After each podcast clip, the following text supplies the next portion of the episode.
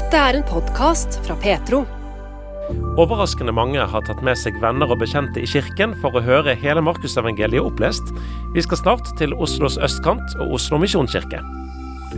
De omdiskuterte The Send-arrangementene, som samlet tusenvis av unge, har gitt et momentumskifte i norske ungdommers engasjement i kristen misjon, sier lederen av Misjonssambandet Ung, Artisten Solveig Leithaug bor i Nashville, men eh, er igjen tilbake i Norge på turné. Ekstra kjekt å ha med seg mannen Jim hit og vise han hjemlandet, sier hun. Velkommen til Petro-uken oppsummert, uke 40. I denne ukens refleksjoner så handler det om rettferdighet, og om Charlie og sjokoladefabrikken. Hør Solveig Angelsgaard mot slutten av podkasten. Men nå på tre oppsetninger i september ble Markusevangeliet lest i sin helhet i Oslo misjonskirke Betlehem, på Abelsø sørøst for uh, Oslo sentrum. Dette var en oppsetning regissert av David Parish.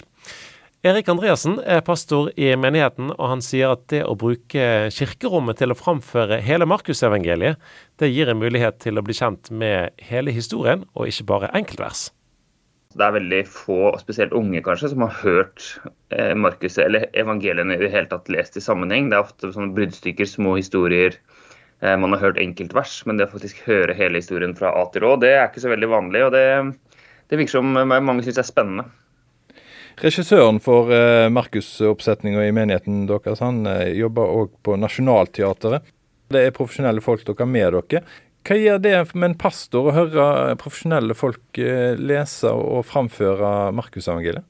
Ja, det er veldig spennende. Det er en miks av folk eh, i kirka vår og, folk, eh, og gjester, venners venner, som uh, gjør det. David, uh, som er regissør, han jobber som produsent til daglig på Nationaltheatret. Og så lever han ut sitt, uh, mer kreative, sin mer kreative talent i kirka.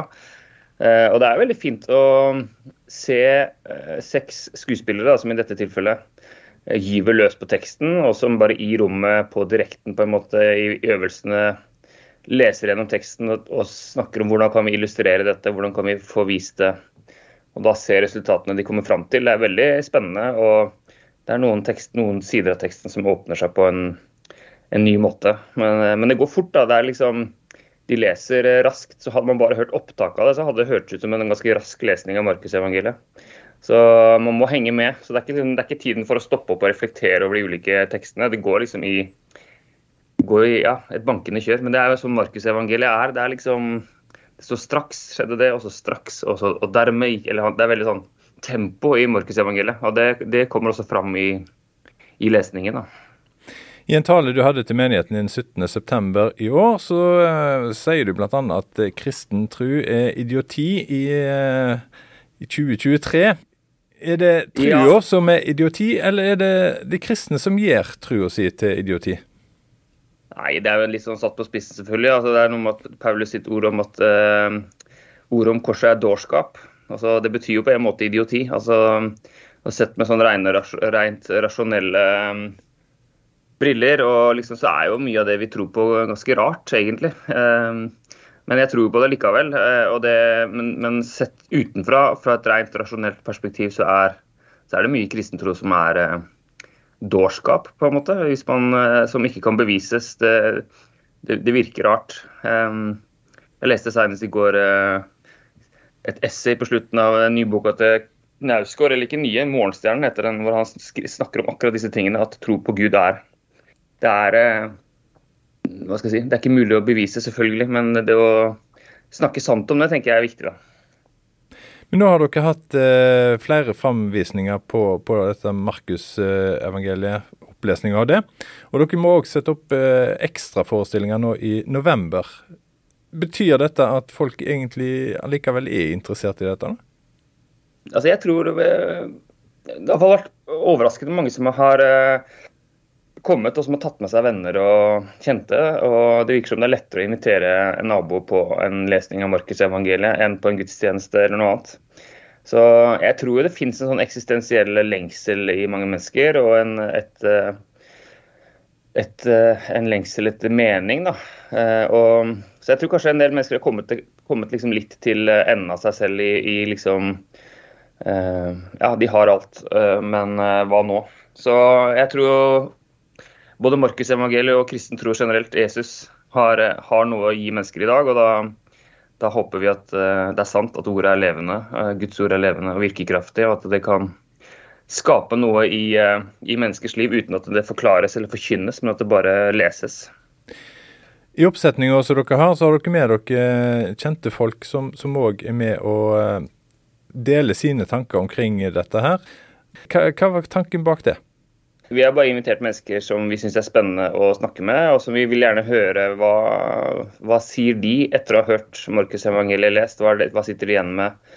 Jeg syns det er en, eh, et spennende spørsmål. altså Det å invitere kloke mennesker fra ulike deler av samfunnet og ulik trosbakgrunn til å reflektere, ha en slags bibelsamtale etterpå, er kjempespennende. Så det har vært veldig gøy. og det var overraskende lett å få folk til å komme. Så det er liksom det virker som det var noe som ja, folk syntes var spennende. Altså, vi håper også å få til det i november på de to ekstra samlingene der. Altså, samtaler etter Markus, som vi kaller det. Så vi har noen spennende navn på blokka som vi har lyst til å snakke med. Så det, jeg tror også det gjør det lettere for menigheten å ha med seg en venn, en ikke-kristen kollega, når de ser at andre som, ikke, som de vet ikke selv eh, er kristne, kommer til kirka for å snakke om Markusevangeliet. Så er sånn, ja, men da kan jeg også komme når eh, når han eller henne kommer, så gjør det, gjør det eh, terskelen enda lavere.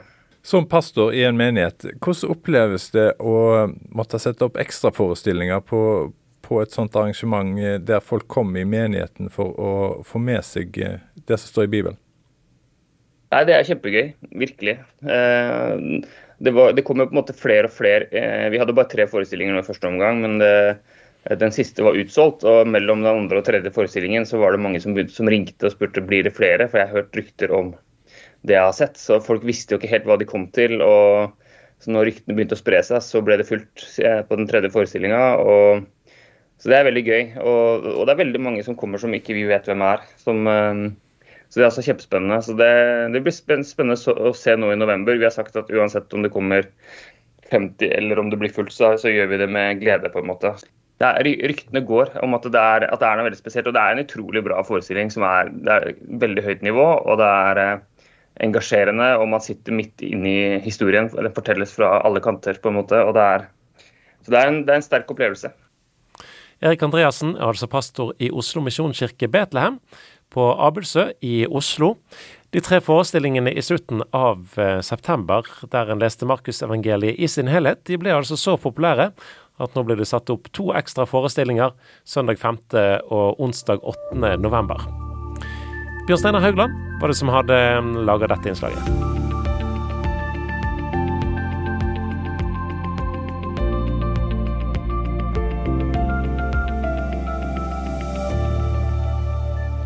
Det nye testamentet i Bibelen er full av historier om folk som blir mirakuløst friske etter møtet med Jesus eller noen av de tidlige etterfølgerne hans.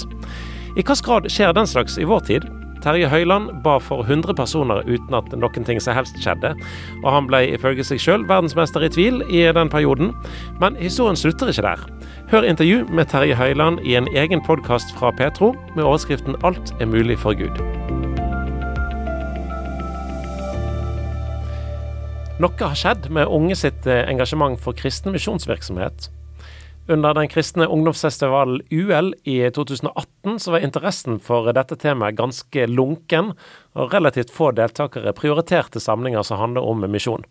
Men i år så var situasjonen en helt annen, sier leder i Misjonssambandet Ung, Hans Christian Skaar. Endringen var så markert at han kaller det et momentumskifte. I 2018 så hadde vi eh, tema misjon på vårt UL. Uh, og Ofte har misjonstema vært litt sånn der Få har dukka opp på seminarene. Eh, de har lurt på hvorfor må vi ha misjonærinnvielse på, på UL og sånn. Men, men, så skjedde det en endring. At vi opplever en generasjon som omfavner dette. Som står i kø for å få mer av det. Som, hvor dette er det de roper om. Ja, de vil ha mer. Eh, ja. Det var jo I fjor så var det jo et, et stort arrangement eh, her, ja. her, i Oslo mm. eh, der var det 8000 eh, ungdommer var, var samla. Det var litt flere òg, over ni. Mm. Ja, nettopp. eh, med nettopp eh, altså Nå snakker jeg om et arrangement som heter The Send, og det handlet jo nettopp om misjon. Hvilken betydning har det arrangementet hatt, tror du, i forhold til det du sier nå? Jeg tror vi kommer til å få se noen tall på det, for det er, det er noen som er, i ferd med å forske litt på akkurat det. Så dere får glede dere til januar. Men mitt inntrykk er jo at Eh, det har bidratt til et, et, skifte som kanskje allerede var som vi opplevde litt før pandemien, men at det sen kom da det gjorde. Eh, og så er det forskjellige meninger om det arrangementet, eh, men at det har skapt eller annet i Norge, eh, det er jeg helt overbevist om. Eh, og det er ikke bare de 9000, for det, media er veldig opptatt av den dagen og det arrangementet. Men greit, her er det en bøtter og spann med pre-gatherings og post-gatherings og uh, ja, altså det, det, er en svær bevegelse. og Totalt sett så tror jeg vel vi, Nå er det mulig å overdrive, men altså at vi snakker kanskje rundt 50 000 unge som har vært innom et av disse arrangementene. Um, så, så, jeg opplever et stemningsskifte mange steder i forhold til større frimodighet på egen tro, og på en måte altså, ikke skamme seg over evangeliet, og et større engasjement for misjonsoppdraget enn vi opplevde før. Og vi, ja, så vi så det konkret også i år. Vi hadde en kollektøkning, en dobling av kollekten fra i fjor, og, og økte med én million på fast givertjeneste blant Og dette er unge deltakere. Um, så det er et uttrykk for at det, ja, engasjementet både er synlig for oss i, i ungdomsengasjement, men også kommer til uttrykk i at de er villige til å bruke av det de har på, på akkurat det. Denne sommeren så var ungdomsfestival UL endelig i gang igjen, etter å ha hatt koronapause i flere år. I år så kom det 1000 færre deltakere enn det det gjorde før pandemien i 2019. Så hvordan står det til med kristent barne- og ungdomsarbeid nå etter pandemien? Misjonssambandet Ung rapporterer om rekordhøyt medlemstall, og ganske stor oppblomstring i ungdomsarbeid knytta til forsamlingene i Norge. Men det er altså ikke alle tallene som er like positive, sier Hans Christian Skaar. Det dramatiske er jo først og fremst at uh, vi har altså, ja, For vår del så har vi mista 30 barnelag. Uh, og det har vært lag som har blitt drevet over veldig mange år av godt voksne ledere. Uh, og så har vi også sett at det har vært en kjempeutfordring å få nasjonale arrangement opp og gå på samme nivå som før. Så f.eks. UL, som er vårt største arrangement, der, der, kommer vi ut med 1000 færre deltakere etter pandemien. Altså i år, da, hvis vi sammenligner med 2019. Eh, så vi, vi, håpte at det skulle bare være en quick fix å flytte tilbake til bibelbeltet, men det, vi, vi er, har en jobb å gjøre da, i å bygge opp igjen eh, det vi hadde før pandemien. Mm. Ja, for det vel kanskje enda mer krevende i en ungdomsorganisasjon, fordi at uh, skal vi si, gjennomløpstiden ja. uh, i, ungdomsgenerasjonen er altså tre år lang tid. Det er det. Vi har måttet mista en generasjon, da, hvis det er lov å si. Altså et, ja, de fleste er ikke med i et ungdomsarbeid mer enn i tre år. Så på en måte både i forhold til lederrekruttering og naturlig eh, rekruttering. Og I et lokalmiljø så er ofte på en måte et, ja, det lokale ungdomslaget såpass kjent at det går greit, men på nasjonale, nasjonale arrangement så ser det kanskje ut at den naturlige rekrutteringen, at en 18-åring forteller en 17-åring at hei, du må være med der jeg var i fjor, den har stoppa opp, da. Eh, har dere på en måte tanker klar om eh, hvordan en, en, fikser det? Altså, Fins det en quick fix? Eh, du var inne på at det fins det kanskje ikke? Eh, nei, den ikke kvikke, men den eh, kompliserte fiksen handler om at vi må ut og møte ungdom.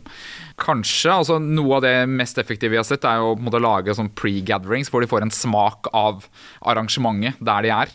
Men det er veldig ressurskrevende å få til, så vi, ja, vi tenker litt på hvordan vi skal gjøre det. Men uh, litt sånn semi-quick fix er jo at vi i hvert fall prøver å få internatskolene som vi, vi eier, med på laget igjen. Da, og sørge for at det blir godt kjent der. Mm. Men, men, så sa du her i sted at, at, du liksom først ser på det, på det negative. ja, men, men, det, det tyder jo på at, at, du har At det er òg noe positivt eh, som følge av, av pandemien?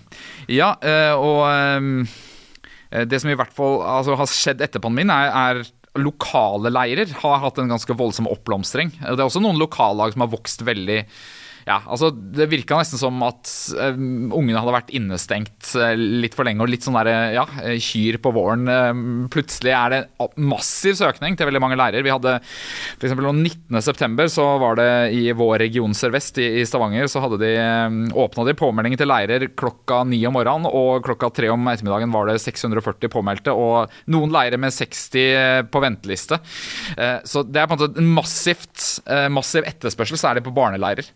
Eh, I noen områder av landet så har det vært eh, eh, veldig gøy å se ja, at etterspørselen faktisk har blitt større enn, det den var før. Og så Hvis vi tar inn en litt sånn kjip ting rundt det også, så er det, er det kanskje altså at vi dessverre så er på en måte ikke leirlederne kommet tilbake. Så til tross for en ja, rekordpåmelding mange steder, så har man fortsatt vært nødt til å avlyse leirer.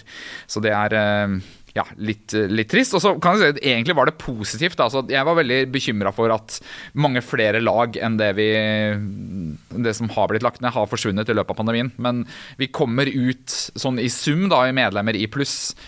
Eh, og setter medlemsrekord nå første året vi, vi måler ordentlig etter pandemien, så er det veldig gledelig.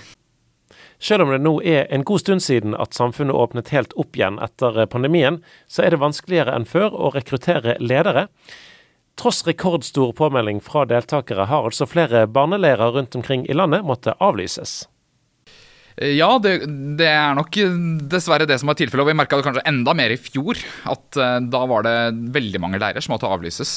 Vi hadde fulle leirer, det var ventelister, men vi, det var umulig å rekruttere ledere. Fordi uh, vi voksne hadde vent oss til et veldig ja, koselig liv med Jeg vet ikke om vi ser på sofa og Netflix eller hva det er, men det var et eller annet i hvert fall. At vi hadde, ikke, vi hadde kommet ut av vanen. da. Uh, og det henger nok litt fortsatt i at det er uh, Men jeg må bare få sagt at det, det er mange som engasjerer seg som bidrar, og det er helt fantastisk bra med de folka. Så vi må bare få sagt at det er helt nydelig med de som er der. Og så, så det, kan dere vite at det er fortsatt sånn at mange barn og unge rett og slett ikke da får Eh, får høre eh, Får oppleve leir eh, og høre forkynnelse fordi det fortsatt er mangel på voksne som, som bidrar. Men Hvis du da skal få lov å reklamere litt, hva, hva Jeg har sagt hva gleder, og for den saks skyld hva sorger, men altså, hva er bra med å engasjere seg i leirarbeid som, som voksen? nei, først og fremst altså, det, det at barn og unge får oppleve noen som har gått lenger med Jesus, eh, det har så ekstremt stor betydning. Og det er en ung, en ung generasjon som etterspør det. De, de vil se eh, noen som har levd et liv med Jesus. Og, og så kan jeg si, altså, For å være helt ærlig, altså, jeg har jo vært med på mange leirer sjøl, og det, det, er sånn, det er ofte at jeg ikke gleder meg til leir. Men jeg jeg tror aldri jeg har dratt hjem fra en leir og vært lei meg for at jeg har sagt ja til det. Fordi det, det, du kommer, det å være i en leirsetting er eh, Altså å, å, være et sted du, du måte får, Det er et helt annet miljø som skapes der da, enn, enn man gjør i løpet av en to timers økt på et, eh, på et lag. Du, du, en blir en del av hjemmet til, til eh, barna og ungdommene.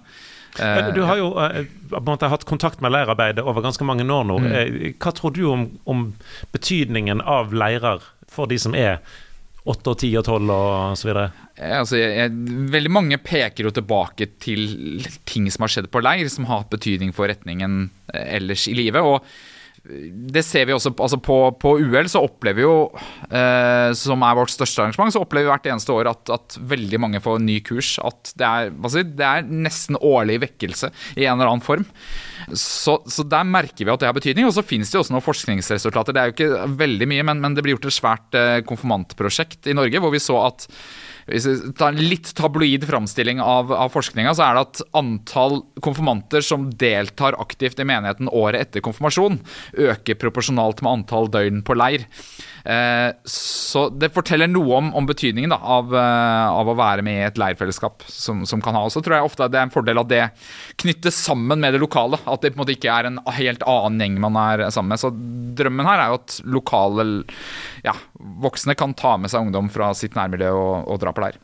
Men jeg, jeg har inntrykk av at en ting som kan holde en del tilbake fra å melde seg som, som leirleder, er at en føler at en har ikke på en måte nok eh, eh connection. En er ikke mm. verken hipp eller kul og ikke aner en eh, på en måte hva ungdommen er opptatt med osv. Eh, eh, hva slags kriterier er det nyttig å oppfylle for å kunne faktisk være en god leirleder?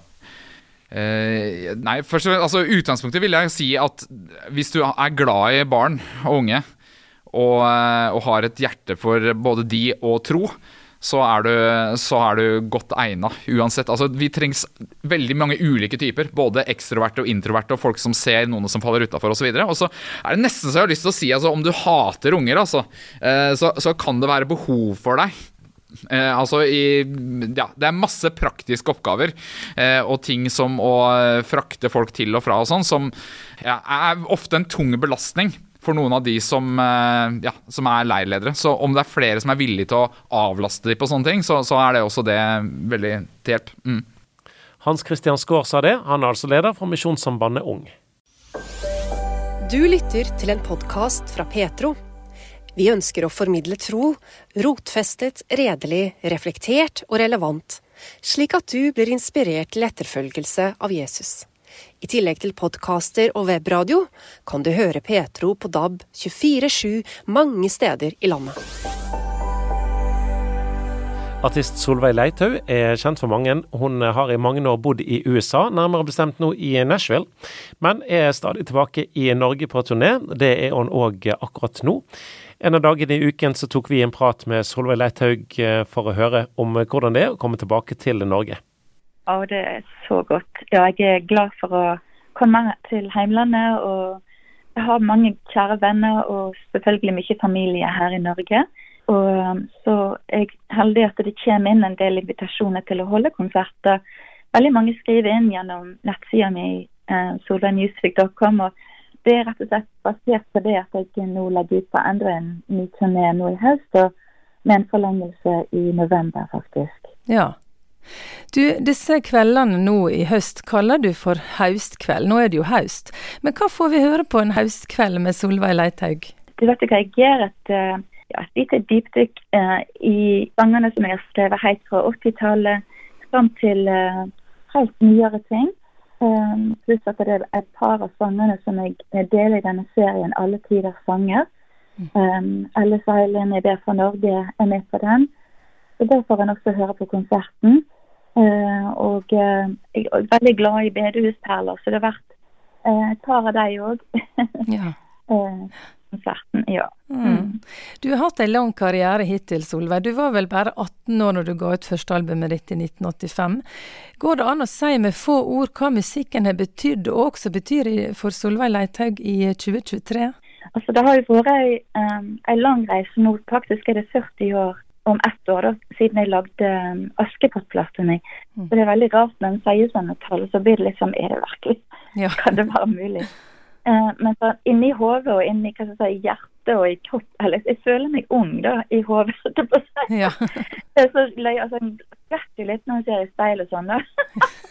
men jeg syns at da, for det første så har det vært ei uventa reise når det gjelder det å, å være musiker på heltid. Jeg hadde ikke kommet på det engang som ungdom da jeg begynte å skrive sanger, at det var kanskje en, en mulighet å holde på med det som et arbeid. Uh, og jeg hadde så det har vært en, en uventa ja, hva skal jeg si, livsreise med mm. gitaren på ryggen da, i mange land og i mange forskjellige settinger. Jeg er veldig veldig takknemlig for det. Det har gitt meg så mange fine opplevelser. Det er klart at det er ikke bare enkelt å, å, å være så mye på tur, men uh, jeg har en fantastisk familie. og klart at Når jeg ikke er ute og reiser, så er det familien som har fokuset. og jeg er veldig glad akkurat for denne turneen her, så har jeg mannen min Jim med meg.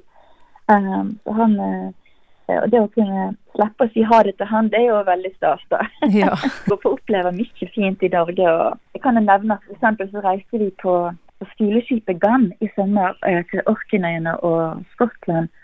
Det var også moro. Men det minner meg òg på at en del av gjestene som var på turen der, òg har forhold til kanskje en av søsknene mine, eller de kjente mor og far. Og det er jo veldig kjekt, og en kjenner jo virkelig på røttene når en er på, på sånne turer som ja, skoleskipet Gann, nå skal vi ut med deg også til neste sommer.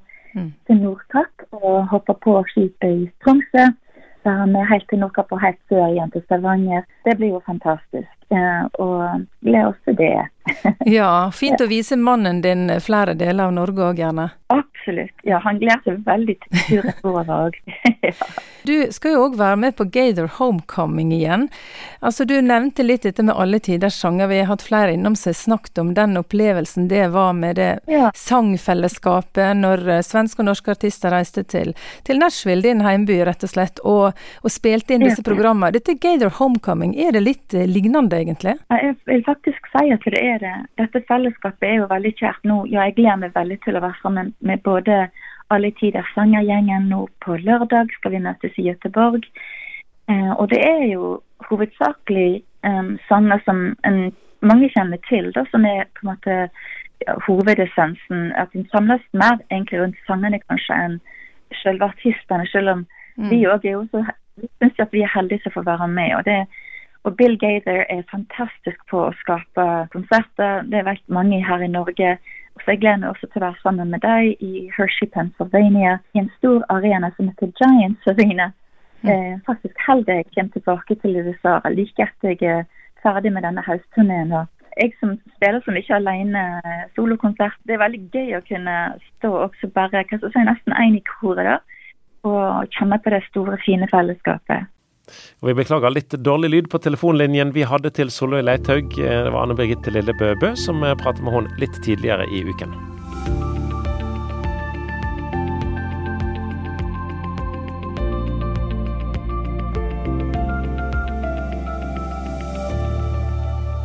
Einars poptips er overskriften på en serie med betraktninger som eh, Einar Helgaas, både musiker og ansatt i skolelaget, har hatt på, på Petro og fremdeles har hver onsdag klokken kvart på fire. Her får du eh, uke 40s versjon av Einars poptips.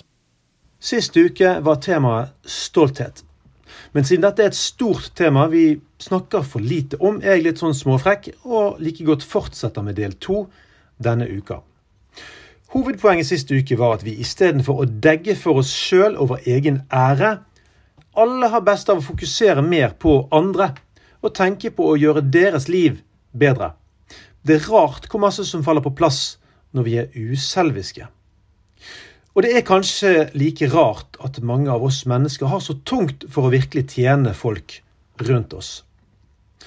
Mahatma Gandhi sa i denne sammenhengen at den beste veien å finne seg sjøl på, er å fortape seg i tjeneste for andre. Hm. Kan det bety at om du eller jeg strever med å finne vår identitet og vår plass i verden, så vil vi lettere finne den om vi har et klart fokus på å tjene familiene våre, bidra i Røde Kors eller humanitært hjelpearbeid, være med i FAU eller styre i sameie, være dugnadsleder og bygge lokalsamfunn. Ja, det er faktisk mye som tyder på det. Vi har ikke godt av å surre rundt vår egen navle, mens vi lar resten av verden snuble videre uten at vi egentlig bryr oss noe særlig om de har nok trenere i lokale idrettslag, om naboer er ensomme, eller om våre egne foreldre eller søsken trenger mer besøk, osv. Jesus sa, den største av dykk skal være tjeneren dykker. Den som setter seg sjøl høgt, skal sette oss lågt. Og den som setter seg sjøl lågt, skal sette oss høgt, står det i Matteus 23. Og Dette er faktisk veldig på kornet i forhold til vårt tema stolthet. Han snakker her om å sette høyt og å sette lavt. Stoltheten vår er nemlig på sitt verste når vi ser ned på andre. Og om jeg har forstått min egen psykologi her, så skjer det ofte ganske ubevisst. Og da har jeg kanskje forstått litt av andres psykologi òg. Eller la oss si hvis du eller jeg tenker at en annen familie ikke er så bra som vår, ikke får ting helt til, og jeg føler meg bedre av den tanken, eller andre har kanskje ikke så fine hus som vi har, de ligger kanskje i skyggen av et fjell mesteparten av dagen, og vi har bedre utsikt. Ja, da kan vi kjenne oss bedre enn de. Eller naboungene oppfører seg ikke så bra. Men oi sann, mine barn oppfører seg jammen santen bedre enn de. Ja, da kan jeg tenke større tanker om min familie og lavere om andre familier. Eller på jobben.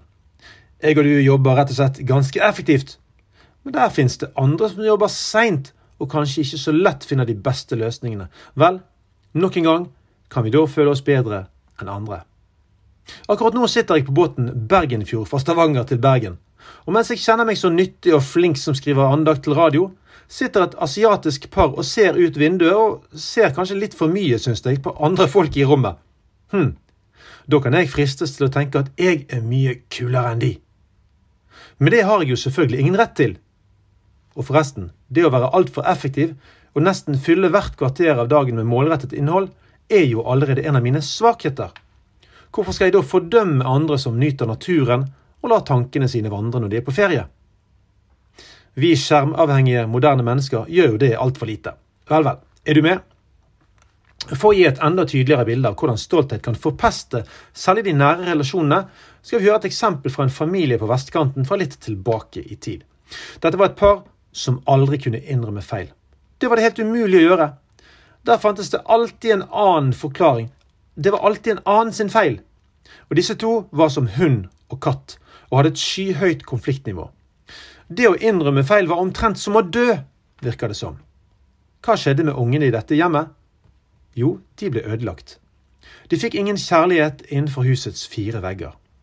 Faren tok dattera på fanget to ganger gjennom oppveksten. Moren ga aldri klem, og de sa aldri at de var glad i ungene sine. Og da er det på tide å kalle stolthet for gift, en slags åndelig kreft, som C.S. Lewis kalte det. Vår evne til å opphøye oss sjøl forgifter relasjonene våre. Bare tenk på Adam i hagen. Det første han gjør etter den fatale epleetinga, er jo å skylde på Eva. Selvfølgelig er det ikke min feil. Jo, for heller enn å være ydmyk og bøye seg og innrømme svakheter, så har vi så lett for å gå i forsvar og kjempe for å beholde vår egen ære. Jeg bortforklarer saken og gir gjerne andre skylda for å redde mitt eget skinn. Uten å nevne navn, men det begynner å bli en del av de. Våre politikere synes det blir dårligere og dårligere på å innrømme feil, og dermed ta det berømte ansvaret. Og hvis de må gå av, er det sjelden de gjør det sjøl, men apparatet må nærmest tvinge de til det. De tviholder på sine godt betalte, prestisjefylte posisjoner så lenge de bare kan. Det er ikke vakkert, og det er karakterbrist i demokratiet.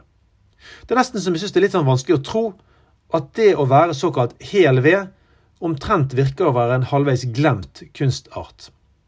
Det er jo fristende her på Petro å si at hele banden trenger Jesus. For det går jo per definisjon ikke an å bli kristen uten ydmykhet. Du må se din synd for å se at du trenger Jesus, og invitere han inn i livet. Jo, for Adams historie er dessverre vår. I vår arvesynd ligger stoltheten innbakt i selve kjernen.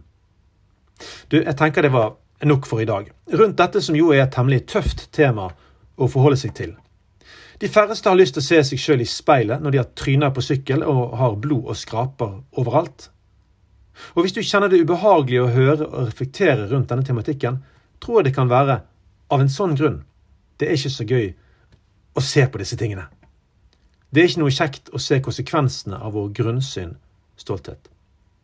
Det blir ingen større presentasjon av dagens artist, siden dere har hørt Cody Carnes før. Men sangen tar tak i et av de siste poengene, nemlig at vi trenger Jesus for å finne en bedre vei med stoltheten vår. Dermed tror jeg dagens tips, som heter Nothing Else, kan være god medisin. Jeg syns dette er en aldeles nydelig lovsang med en vakker, poppete feeling. Den har jeg ofte på hjernen, faktisk.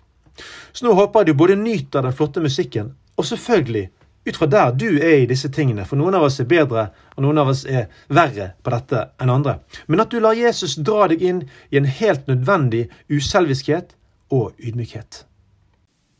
Og låten 'Nothing Else' med Cody Carnes var altså denne ukens anbefaling fra Einar Helgås. Nå kan ikke vi pga. rettigheter og sånn spille musikken i podkasten, men eh, du kan jo finne den andre steder. Cody Carnes, 'Nothing Else'. Du lytter til en podkast fra Petro. Misjonskirken Norge er et kirkesamfunn med over 80 menigheter, et flertall av de på Sør- og Østlandet. Tro sender plante, altså evangelisering og menighetsplanting på nye steder, er et av de strategiske fokusene for organisasjonen for årene fram til 2030. Gjennom prosjektet Fem byer så ønsker de å starte opp kristne fellesskap i norske byer der det i dag er lite kristen virksomhet.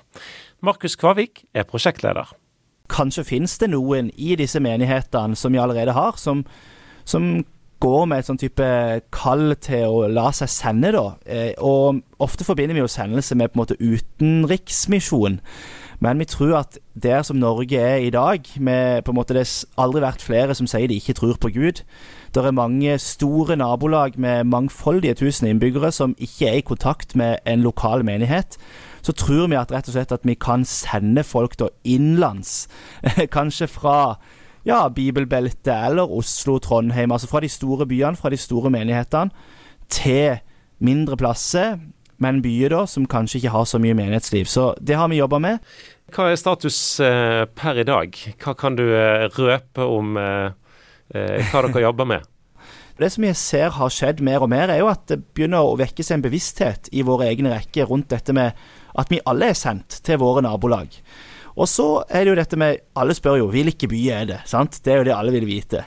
Eh, og eh, da har vi alltid sagt at eh, på en måte det eneste som egentlig vi, vi har som kriterium, er det misjonskirke fra før. Hvis nei, så er det en ny by. Og da er vi interessert i å, å se på det. Nå er det Harstad og Gjøvik som vi jobber mest konkret med. Der har vi både folk i byen fra før som har en tilknytning til Misjonskirka. Men i tillegg så har vi òg folk som står på trappene nå i løpet av det neste året til å kunne la seg sende da, til disse byene som en type prosjektleder kan nesten eh, se på det som en slags misjonær, altså en evangelist i hvert fall, på disse nye byene. Eh, så det jobber vi ganske konkret med nå, rundt eh, oppfølging av disse folkene og kartlegging av disse byene. For det, vi er veldig bevisst på at i, i alle byene vi ønsker å sende folk til, så er vi ikke de første kristne som kommer. vi er heller ikke den første menigheten på stedet. Det er som regel alltid en norsk kirke eller to. Og det er andre frimenigheter. Vi ønsker, hvis vi skal sende folk til de byene, å komme som en positiv bidragsyter. Og da er det viktig å ha en god dialog i, i forkant. da. Ja, så betyr så at dere på en måte er bevisst på å ikke havne i, i hermetegn i konkurranse med eksisterende arbeid? Ja, det, det, ønsker vi, og vi, vi, gjør det vi kan i hvert fall på forhånd for å på en måte kartlegge byen og være i kontakt med andre ledere av menighetene der oppe, hvis det er en pinsemenighet eller baptist, frikirke det kan være så mye forskjellig. ikke sant, at eh, Da ønsker vi på en måte å, å, gå inn i en dialog og si at eh, vi jobber med dette, og, og spiller sånn sett med åpne kort. Og så er vi jo samtidig veldig bevisst på altså Tro sender planter. Sånn, Første er jo vi ønsker å se nye mennesker komme til tro. Og eh, når vi sender folk opp til en ny by, f.eks. Harstad eller Gjøvik, så sender vi jo ikke en menighet. vi sender noen kristne, sant. Og, og, det er på en måte ikke sånn at da kommer det plutselig en ny gudstjeneste med 200 mennesker hver uke. ikke sant? Nei, det, da er det øh, nybrottsarbeid. Det er pionerskap som, som, skal til, og det handler om å komme i kontakt med byen. Det handler om å være til stede for de menneskene som ennå ikke tror, og som ennå ikke har et kristent fellesskap som de kaller sitt. Ja, du, du, nybrottsarbeid, sier du. Eh, det betyr vel òg at, at, det å rett og slett bare bli kjent med folk, bygge relasjoner, at det er sentralt? Ja, det er det. Rett og slett bare bli kjent med plassen, bli kjent med nabolaget. Hvis du kommer fra Bergen da, for eksempel, til Harstad, så er det klart at da må du lære deg den kulturen. Vi har stor tro på at eh, evangeliet snakker til alle, men at vi må kontekstualisere. Vi må forstå byen, vi må forstå hva folk tenker på. Hvor bor de, hvem bor her, hva gjør de, hva jobber de med? Hva er viktig for denne byen? Eh, så det er det første, at de skal identifisere lokalmiljøet. Og så har vi sagt at vi tror det er viktig at de får et hjerte for stedet. At de blir glad i plassen, blir glad i folkene.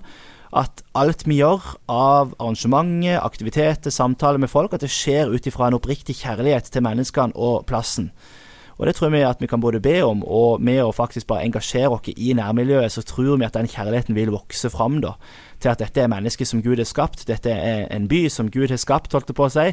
Og, og eh, at det er en sentral del. Og så det tredje er dette med å skape fellesskap. I Fem byer så sier vi at vi sender ikke menigheter, vi sender folk.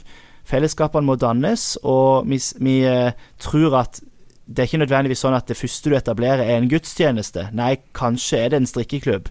Kanskje er det et fotballag.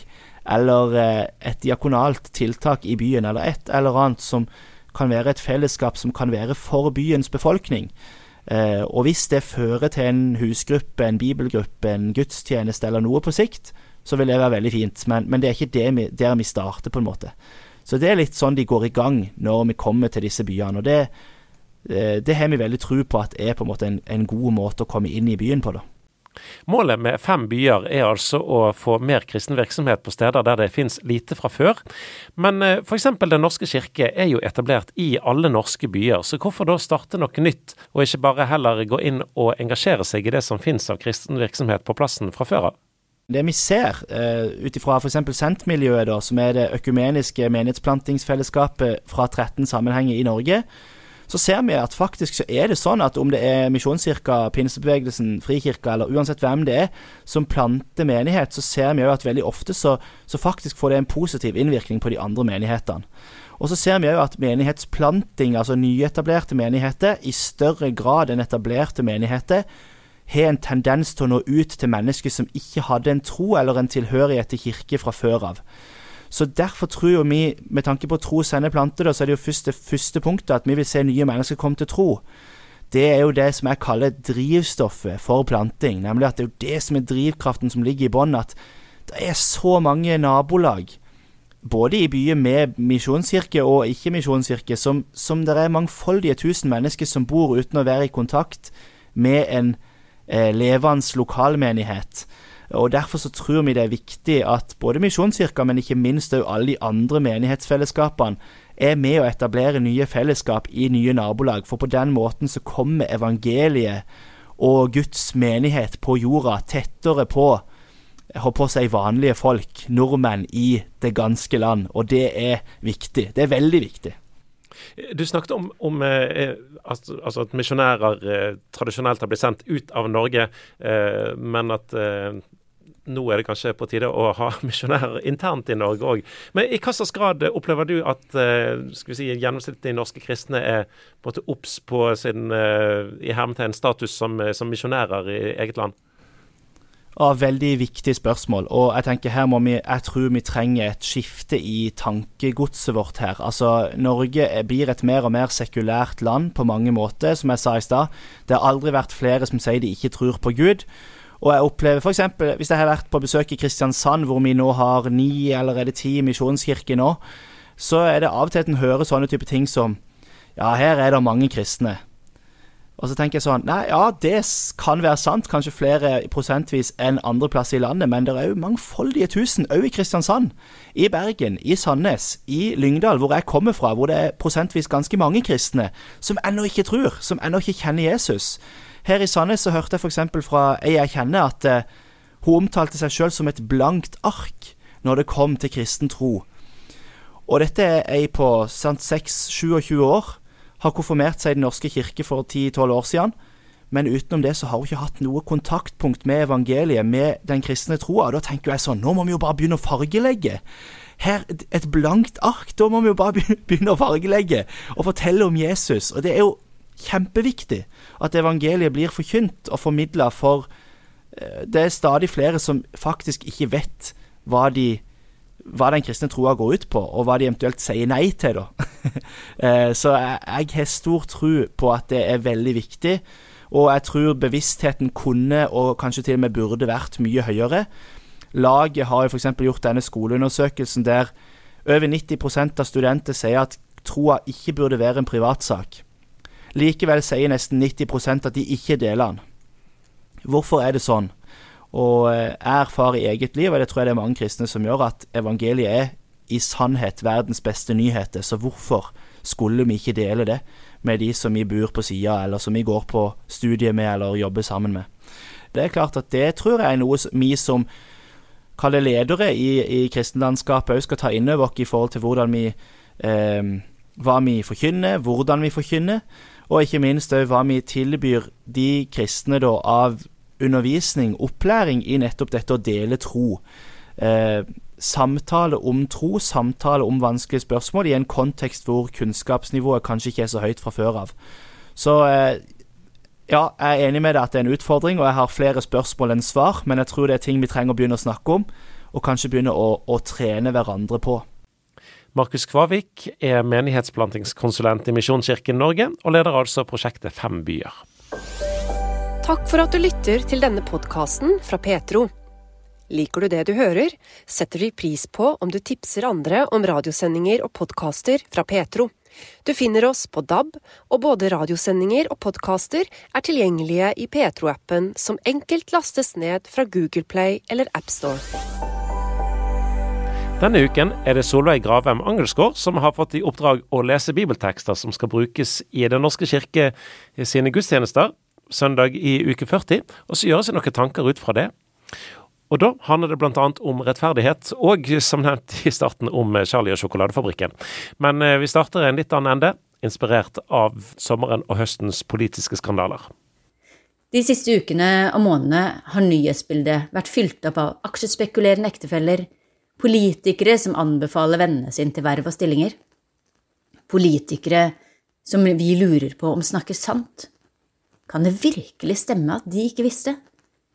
De som politikere bør vel ha kontroll på hva som er lov og ikke. De som skal vedta alle lovene. Det er forresten ganske mange av dem, 1677 lover, hvis vi skal tro det som står på nettet. Vi mennesker rangerer lovbrudd etter alvorlighetsgrad hvor drap er det mest alvorlige.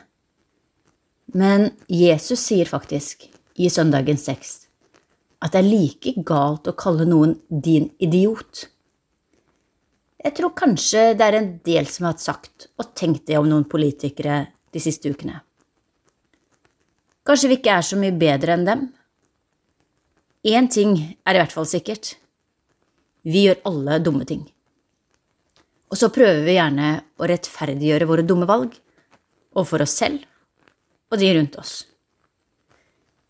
Heldigvis så sier Jesus at vi kan få komme til ham. Vi kan komme til han med alt det dumme vi gjør, og så vil han hjelpe oss. Vi kan be om tilgivelse, og han tilgir. Så kommer han til å hjelpe oss opp igjen neste gang vi snubler, for det kommer vi til å gjøre. Og så bør vi hjelpe hverandre til å gjøre det rette, istedenfor å dømme når noen gjør noe galt. Bruk uka til å framsnakke de rundt deg, til å løfte noen opp. La smilet og latteren sitte løst, så kanskje både de rundt oss og vi sjøl får en litt mer positiv uke.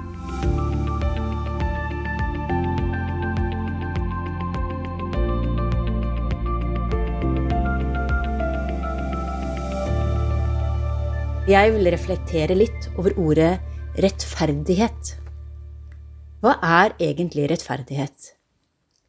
Mange barn og voksne vet godt når noe føles urettferdig. Hvorfor får ikke jeg lov når han får? Det er urettferdig! Da jeg jobba som lærer, kunne jeg høre det ganske ofte. Ofte måtte vi ha samtaler i klasserommet om hvorfor vi som lærere av og til behandla elevene ulikt, og hva som er rettferdig og ikke. For det er jo ikke rettferdig å gi alle elever i samme klasserom akkurat de samme oppgavene. Vi har ulike forutsetninger, og for noen så er tall enkelt å forstå, mens andre har ingen problemer med å skrive ned det de tenker. Noen løper fort, og noen hopper høyt. Og du har kanskje sett den tegningen av dyra som er på skolen. Elefanten, apekatten, gullfisken i bollen. Og så får de alle den samme oppgaven. De skal klatre opp i et tre. Oppgaven de får, er den samme, men rettferdig er det ikke. De har jo ikke de samme forutsetningene for å kunne gjennomføre den oppgaven de har fått. For noen vil det være veldig enkelt, mens for andre helt umulig. Heldigvis så har vi en rettferdig Gud. En Gud som kjenner oss bedre enn noen annen. Han vet hva vi trenger, og hva vi er i stand til. Han kjenner oss bedre enn vi kjenner oss selv. Det er jo tross alt han som har skapt oss.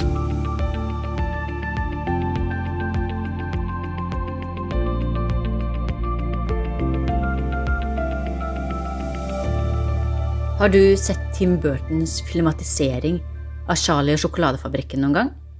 Den med Johnny Depp i rollen som Willy Wonka? Sjokoladefabrikken har vært stengt for vanlige mennesker i mange år. Så blir det sendt ut gullbilletter, gjemt i sjokolader. Og det er fem heldige barn som får komme inn i sjokoladefabrikken, sammen med hver sin foresatt.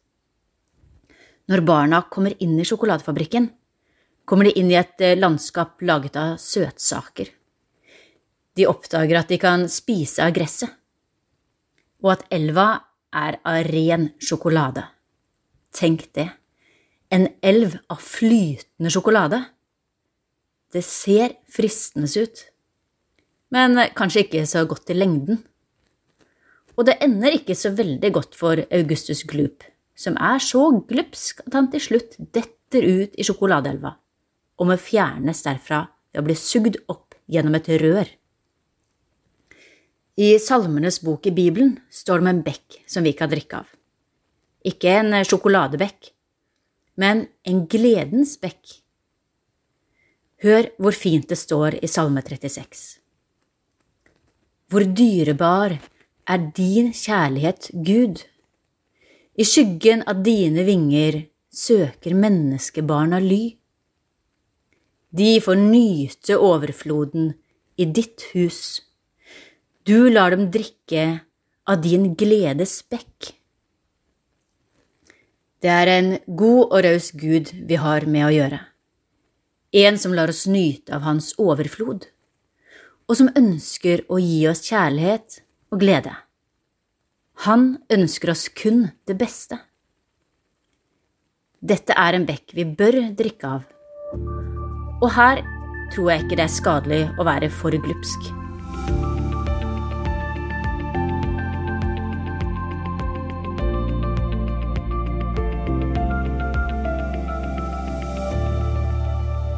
Denne ukas bibeltekster handler mye om rettferdighet. Og når jeg har jobba med disse tekstene, er det stadig en gammel sang som dukker opp i hodet. Ren og rettferdig, himmelen verdig, er jeg i verdens frelser alt nu. Ordet forkynner at mine synder kommer han aldri mere i hu. Jeg vet godt at jeg ikke alltid klarer å gjøre det som er rett, at jeg ikke alltid er rettferdig. Jeg klarer ikke alltid å leve slik jeg burde. Jeg kan kjenne meg igjen i Paulus når han snakker om at det gode han vil gjøre, det gjør han ikke men det onde han ikke vil gjøre, det gjør han. Så hvordan kan jeg da synge at jeg er ren og rettferdig? Én ting er i hvert fall sikkert, og det er at det ikke er min egen fortjeneste. Det er kun gjennom det Gud har gjort for meg, at jeg kan være ren og rettferdig, himmelen verdig. Uansett hvor hardt jeg prøver, så vil jeg aldri klare å leve et perfekt liv. Det er det kun Jesus som klarte.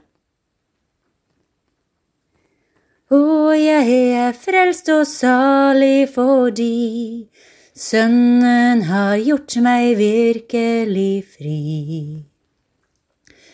Fri fra nøden, dommen og døden. Amen, halleluja.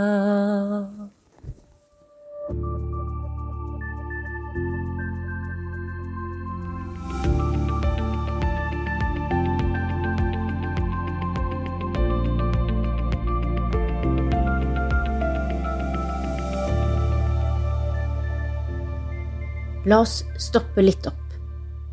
Har vi noe uoppgjort med noen? Noe vi burde retta opp i? Har jeg såra noen og burde sagt unnskyld? Fokuserer vi for mye på det negative? Lar vi oss irritere over jobb og familie? Fordi vi kanskje er litt slitne etter en lang uke? Så lar vi det gå utover de vi har rundt oss? Klager og syter over alt som alle andre burde gjort? eller prøver vi å finne løsninger? Klarer vi å fokusere på det positive, spre glede på arbeidsplassen og blant venner og familie?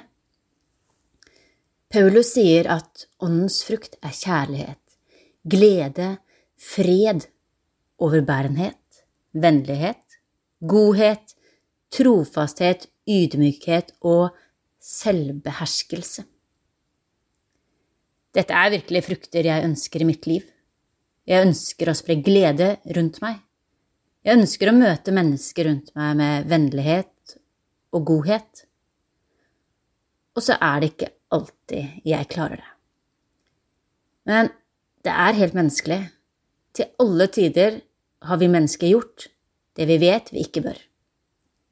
Da er det bare å prøve igjen, be om tilgivelse og så har vi heldigvis en god og trofast Gud som tilgir igjen og igjen. Og hør bare hvor fint det står i Salme 36. Herre, til himmelen rekker din miskunn, din trofasthet når til skyene.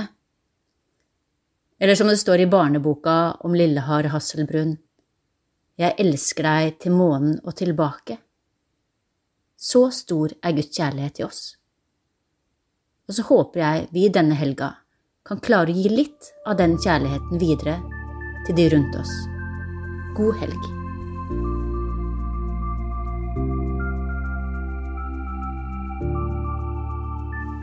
Og med de ordene fra Solveig Gravem Angelsgaard, så avrunder vi eh, Petro-uken oppsummert for denne gang.